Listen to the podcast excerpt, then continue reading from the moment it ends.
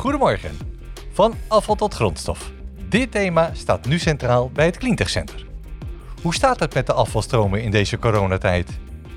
In het kader van onze maandelijkse innovatiebijeenkomsten zijn we op bezoek bij het recycleplein van Circulus Berkel in Apeldoorn. Circulus Berkel is een grote speler op het gebied van afvalverwerking in de Cleantech-regio.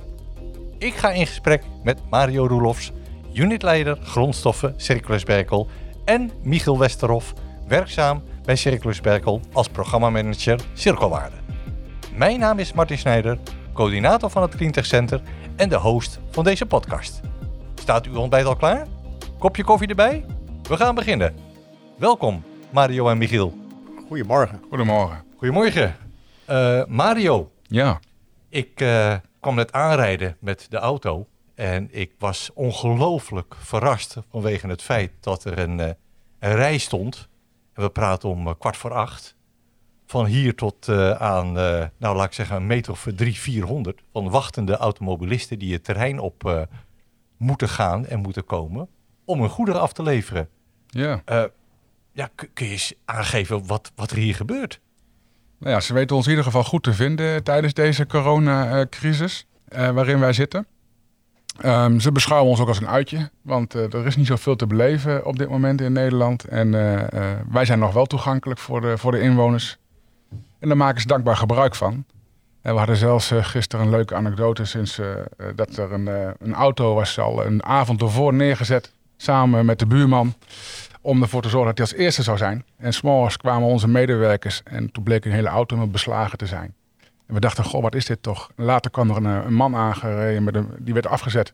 Ging de auto starten, ging de auto ontwasemen en die eh, vertelde dat hij dus de dag ervoor al neer had gezet, dat hij niet hoefde te wachten. En dat hij als eerste aan de beurt zou zijn, dus dat was wel erg eh, hilarisch. Dat zijn bi- bijzondere omstandigheden ook voor jullie, neem ik aan. Ja, het is even wennen. Vooral in eerste instantie denkt men toch aan veiligheid. Hoe, hoe gaat het met mezelf? Ik ben een vitaal bedrijf, dus ik mag werken. We zijn dankbaar dat we kunnen werken, maar toch ook wel ja, op onze hoede. Dus eh, veel hesjes met anderhalve meter aan natuurlijk om er eh, te framen naar de mensen toe. Dat ze afstand moeten houden, eh, dat je op elkaar moet letten. We raken wel wat gewend in de nieuwe werkwijze, waardoor men zich toch nog wel weer wat zekerder voelt. En gek genoeg ook is het ziektepercentage nu lager als voor de coronacrisis. Omdat de mensen toch ook zien dat ze belangrijk zijn en daardoor dat extra stapje willen zetten. Ja. Mario, wat eh, maakt het nou dat eh, er zich zo'n rij vormt? Want ik kan me voorstellen, eh, in het begin van het jaar had je natuurlijk ook een druk van afvalstromen. Wat Ja. maakt het nou dat die rij zo groot is en zo lang is en wat ik begrepen heb ook vijf of zes dagen per week is? Ja, het is eigenlijk elke dag gewoon hartstikke druk. Mensen staan echt in de rij. Eh, wat ik net ook zei over veiligheid, anderhalve meter, hebben we ook besloten dat er maximaal vijf mensen tegelijk op het recycleplein mogen zijn. Eh, dat komt omdat het anders niet te beheersen valt door onze medewerkers. Die worden dan keer op de schouder ge- getikt van kunt u mij helpen, omdat het dan te lang duurt. Eh, daar schrikken ze vaak al van. En terecht ook. Dus eh, die keuze van maximaal vijf vertraagt natuurlijk wel de snelheid waarop men erop en eraf gaat op onze recyclepleinen. Daardoor is er wel extra filevorming. Dus in totaliteit is er wel wat toename in drukte. En we zien ook wel, wel dat er veel meer gebracht wordt. Eh, eh, echt, mensen gaan echt schoonmaken omdat ze tijd over hebben. En dat allemaal bij elkaar maakt toch wel dat er elke dag lange files zijn. Dat er ook traffic support nodig is. Dat is nogal wat, hè? Ja, ja, Ja, het is ja, enorm. Ja. ja. Dat, dat kun je van tevoren ook niet bedenken. Nee, onvoorstelbaar zeg. En kun je ook aangeven welke stromen er toegenomen zijn? Want jullie nemen hier heel veel in. Ja, ja. nou met name gaat het wel. eh je ziet natuurlijk het restafval wel toenemen. Eh, explosief zie je het PMD eh, die toegenomen is. Eh, omdat de horeca alles dicht is. Mensen eten natuurlijk wel gewoon door. Verbruiken hun, hun producten. Die, nou, je ziet dat de huidige producten veel met plastic verpakt is. talloze soorten plastic ook. Ongeveer 27% heb ik begrepen is er aan toename aan PMD.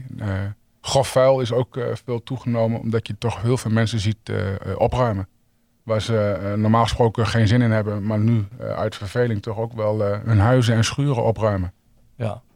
ja als, je, als je dat zo allemaal hoort, dan vraag je je af of afval überhaupt nog waarde heeft als er zo'n enorm aanbod komt bij jullie.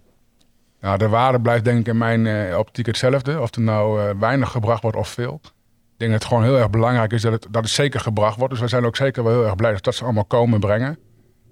Het momentum is misschien iets minder handig maar wel heel erg bruikbaar. we, we, moeten ons wel beseffen dat alle grondstoffen die we hebben op de wereld, dat die belangrijk zijn voor toekomstige generaties. En dus blijven vooral brengen, zou ik ook zeggen. en en scheidt het ook heel erg goed. Want die grondstoffen die, zijn gewoon onmisbaar. Ik vind het wel heel interessant dat je net aangaf van de waarde van de producten die blijft ongeveer hetzelfde. Ik heb uh, jaren geleden heb meegedaan aan een ophaalactie van oud papier bij ons in de wijk. Ja. Dat is, uh, later is dat overgegaan naar centraal ophalen. En ik heb begrepen dat de waarde bijvoorbeeld van oud papier aanzienlijk verminderd is dan bijvoorbeeld een 15 of 20 jaar geleden. Ja, dat klopt. Maar je hebt het over, er zijn voor mij dan twee waardes. Een financiële waarde en een circulaire waarde. Oké. En als je, nou, daarmee bedoel ik van uh, de prijzen zijn natuurlijk altijd onder vraag en aanbod onder druk. Dus wanneer er veel aanbod is, zullen de prijzen van uh, oud papier bijvoorbeeld, waar we het nu over hebben, zakken. Uh, de huidige waarde van papier is bij de nullijn, dus in dat opzicht is het weinig waard. als je kijkt naar circulaire economie, grondstoffenbehoud, is natuurlijk de waarde hetzelfde en wordt alleen maar beter door innovaties. De, de grondstoffen moeten bewaard blijven, anders moet je steeds meer gaan, gaan inwinnen. En dan krijg je je Earth Overshoot, is natuurlijk steeds eerder in het jaar. Ja. En uh, is gewoon niet goed voor ons allen. Ja, oké. Okay. dat is duidelijk. Kun je de afvalstromen nog kwijt? Ja, ja, dat heeft wel uh, soms wat uh, aardige discussies hè, met, met verwerkers. we hebben, houden nauw contacten. Ook vanuit Cirkelwaarde, waar Michiel dan als programmamanager voor zit. Um, worden veel contact overleg, overleggen gehouden met onze verwerkers. Hoe staan jullie ervoor? Wat, wat, wat verwachten jullie in de komende tijd? Om uh, ervoor te zorgen dat we weten en kunnen, dat we kunnen blijven afvoeren. Uh, daar waar stagnaties uh, ontstaan, en dan praten we erover, zoeken we een oplossing. En tot, tot het heden lukt dat nog steeds. Oké. Wat zou je tegen de consumenten of ondernemers willen zeggen? Ja, blijf ons vooral de belangrijke grondstof, uw afval is grondstof, brengen. En doe het zo goed mogelijk, en zo, zodat we zo min mogelijk verspillen in deze verbruikerseconomie, terwijl we naar een gebruikerseconomie zouden moeten gaan. Met z'n allen. Ja, prima. Dankjewel Mario. Mooi inkijkje. Ik ga even door naar uh, Michiel. Michiel, uh, er stond net al iets van programma manager cirkelwaarde. Misschien dat je dat heel kort even kunt toelichten, wat het inhoudt. Ja, heel kort. Uh, Cirkelwaarde is een alliantie van een drietal organisaties zoals Circulus Berkel, namelijk ook ROVA in het, in het Zwolse, zeg maar, in het Overijsselse. En in Utrecht de AVU. En daarmee verenigen we 57 gemeenten met 2,5 miljoen uh, inwoners. Waarvoor wij uh, gezamenlijk uh, optrekken als het gaat om precies dat punt waar je net ook met Mario over had. Van waar blijft het als het eenmaal is ingezameld? En hoe kunnen we het materiaal zo circulair mogelijk wegzetten? Dus dat is, dat is onze opdracht als cirkelwaarde. En nou, dat is in deze tijd, zoals Mario ook net al aangeeft, buitengewoon spannend. Uh, omdat er heel veel op ons afkomt. Heel veel meer materiaal. En dan ontstaan er natuurlijk uh, kwetsbaarheden in uh, ketens die ook in deze fase zichtbaar worden. Kun je die ook wat toelichten, die kwetsbaarheden? Nou, PMD is, een, is misschien een, is een goed voorbeeld. we, PMD praat je over kunststoffen, hè? Ja, dat is plastic, plas, plastic materiaal en drankenkartons. Dus, ja. dus zeg maar alles wat, wat, wat verpakkingen is. Ehm, en door veel thuis te zijn, niet meer naar de horeca te kunnen, komt er dus heel veel van dat verpakkingsmateriaal extra, blij, extra bij. Inderdaad iets van, van 27% meer. En dat betekent dus een enorm aanvoer van juist daar waar dat materiaal gesorteerd wordt. dat gebeurt in Zwolle voor, voor, voor ons in, in dit gebied. Um, en daar moeten alle zeilen bijgezet worden om, om die capaciteit, die uitbreiding van de hoeveelheid ook aan te kunnen. je ziet dat we in Nederland betrekkelijk strak en efficiënt zijn ingericht als het gaat om capaciteiten. Dat zien we op meer plekken in deze crisis. En dat het juist op dat punt we dus tegen, tegen problemen aanlopen van tijdelijk moeten opslaan van voorraden, et cetera, van materiaal. Dat geeft ook weer eigen, eigen problemen. Maar die capaciteit betekent dat ook dat je menskracht tekort komt? Je echt praat over menskracht, kom je over uh, machines tekort die het kunnen verwerken? Waar moet ik aan denken? Ja, ja, ja, ja? ja, De PMD is een, is, een, is een complexe stroom van heel veel soorten plastic die uit elkaar gehaald moeten worden. En dat gebeurt met, uh, op, op lopende band, banden waar met uh, infrarood het materiaal wordt herkend en, en gesorteerd. En die capaciteit is, is beperkt. Uh, dat, dat, dat, uh, dat is geïnvesteerd, geïnvesteerde capaciteit die niet zomaar is bij te plaatsen. En dat, dat zorgt dus voor, voor, voor bottlenecks in de, in de afvoer als die opeens met 30% toeneemt. Ik vind, ik, vind het wel, ik vind het wel even interessant. Hè? We zien met name ook in deze coronatijd dat er ongelooflijk creatieve oplossingen bestaan bij ondernemers. Die in één keer in een kort tijdbestek hun business case weten te veranderen. Uh, door of apparatuur te kopen. Hè. Kijk even naar Auping, die begint met mondkapjes. Die hebben een, een machine laten ontwikkelen in, meen ik, vier, vijf weken tijd. Uh, die draaien nu en die gaan 5 miljoen mondkapjes gaan die produceren. Uh, misschien te simpel gedacht, maar zoiets is niet mogelijk binnen de wereld van het PMD. Want we, we zitten voorlopig nog wel even in deze situatie, lijkt me. Ja, uh, tegelijkertijd is natuurlijk onzekerheid is, uh, is troef. Uh, het is natuurlijk heel lastig om, om nu investeringsbeslissingen te nemen die, die vaak een, periode van, van, van vijf tot acht jaar behelzen. Dat is nou nu niet bepaald. niemand kan weten hoe lang dit duurt. De, de, verwachtingen waren natuurlijk dat het een hele korte hevige knik zou zijn in de economische activiteit. Het begint nu een U te worden en sommige mensen zeggen het wordt een L. Uh, dus het is een beetje afhankelijk van hoe je dus tegen deze, deze crisis aankijkt. En ik kan me heel goed voorstellen dat daar waar, waar nu dit soort uh, capaciteiten aan de orde zijn, men ook zich afvraagt of daar nu het uh, gelegenheidscapaciteit op moet komen. Dus opslaan is dan het, uh, is dan het, uh, is dan het adagium en het, uh, en het spreiden. En inderdaad ook kijken naar waar kan, kan ehm, de capaciteit beter benut worden. meer ploegen gaan draaien, meer intensief. misschien ook in een aantal gevallen minder goed sorteren. dat is natuurlijk op zich voor de uitkomst van het proces niet goed. Maar kan een manier zijn om zeg maar de, de, de plotselinge toevloed af te vlakken. Andere ketens zoals textiel, daar zien we echt heel duidelijk uh, uh, ook daar afzetproblemen. Markten die in het buitenland sluiten, minder verkoop van herdraagbaar textiel, waardoor voorraden ontstaan. Ehm, eigenlijk zijn alle, alle kwetsbare afzetkanalen voor, voor, voor materialen en grondstoffen ehm, worden door de corona crisis nog kwetsbaarder of, of laten problemen zien. En je ziet niet aan de andere kant dat er ook innovatie ontstaat. Want ik zou me kunnen voorstellen als de afvalstromen van textiel minder worden, dat er mogelijkerwijs ondernemers die zeggen van kom maar, ik ga met die afvalstromen iets doen wat nog niet voorheen een business, een business case kon zijn, maar nu wel kan zijn, omdat er zo grote hoeveelheid is. Je ziet dus niet echt ondernemers opploppen die zeggen van wacht even, ik ga wat met die afvalstromen doen om een nieuw product daarvan te maken? Nou, je ziet wel dat, dat, dat er eh, gekeken wordt naar wat voor kansen ontstaan er, omdat de markt nu in zijn geheel, ook in de waardering, waar we het net over hadden, die financiële waardering anders wordt. En dus ook klanten bereid zijn om met lagere prijzen, gemeentes ook met lagere prijzen genoegen te nemen. Daardoor komen wel nieuwe en andere oplossingen komen makkelijker in beeld. Maar ehm, daar wordt naar gezocht. Er wordt natuurlijk op alle mogelijke manieren geprobeerd in Nederland om te voorkomen dat we afval moeten gaan verbranden. Wat we natuurlijk uh, wat we nu niet willen. Uh, uh, en, en, en die grondstofwaarde waar, waar Mario ook op doelt, om die te behouden. Maar het is wel een uitdaging. Is, is de coronatijd een game changer?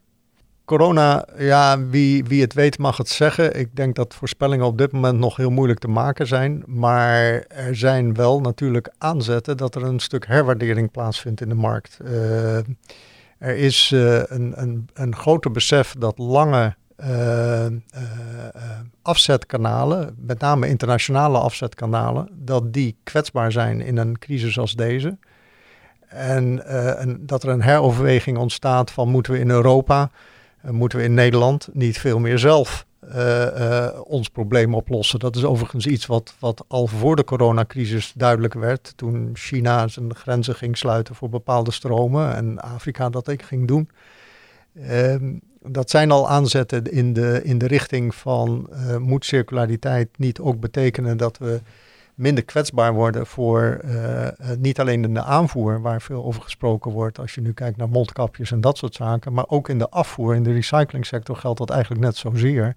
Dat we zo mondiaal zijn verweven met allerlei uh, stromen, dat, dat je je moet afvragen of dat naar de toekomst toe geredeneerd een, een wenselijke zaak is. En of we niet meer onze, en innovatie zal daar een heel belangrijke rol in spelen, of we daar niet meer uh, regionaal en landelijk oplossingen voor moeten gaan vinden. Merk je ook dat er discussies binnen de politiek, binnen bijvoorbeeld de grote partijen? Hè? Die hebben natuurlijk wat anders aan hun hoofd, maar aan de andere kant is natuurlijk grondstof en afval, dat is wel een ding, een issue, zeker bij een forse toename. Nou, ik zie het met name vanuit Europa, wordt dat heel sterk uh, benadrukt. Uh, Europa wijst ook Nederland op de enorme afhankelijkheid van importen die we hebben van bijvoorbeeld soja, als het gaat om, om eiwitten. de noodzaak om daarin te veranderen. En, en je zou kunnen zeggen dat, dat wij ook qua grondstoffen veel te veel afhankelijk zijn van aanvoerlijnen uh, van all over de wereld, waar de situatie instabiel is en nu juist met die coronacrisis nog, nog scherper onder druk komt te staan. Ja. Uh, zijn er ook kansen voor ondernemers op dit moment? Dat denk ik wel. Ik denk dat, dat, dat met niet alleen de coronacrisis, maar de stikstofcrisis, de klimaatcrisis die, uh, waar we op afstevenen, uh, dat dat stuk voor stuk uh, zaken zijn waar ondernemers uh, hun eigen continuïteit van uh, hun bedrijf op zouden moeten toetsen. Hoe gevoelig ze daarvoor zijn en welke maatregelen daarvoor genomen kan worden. En een circulaire economie-strategie is daar beslist ook, denken wij, een hele verstandige en toekomstbestendige koers voor. En dat pakt bij iedereen anders uit. Dat pakt, uh, we zijn ook in Cleantech-verband uh, nu uh, hard aan het werk aan een actieprogramma Circulaire Economie.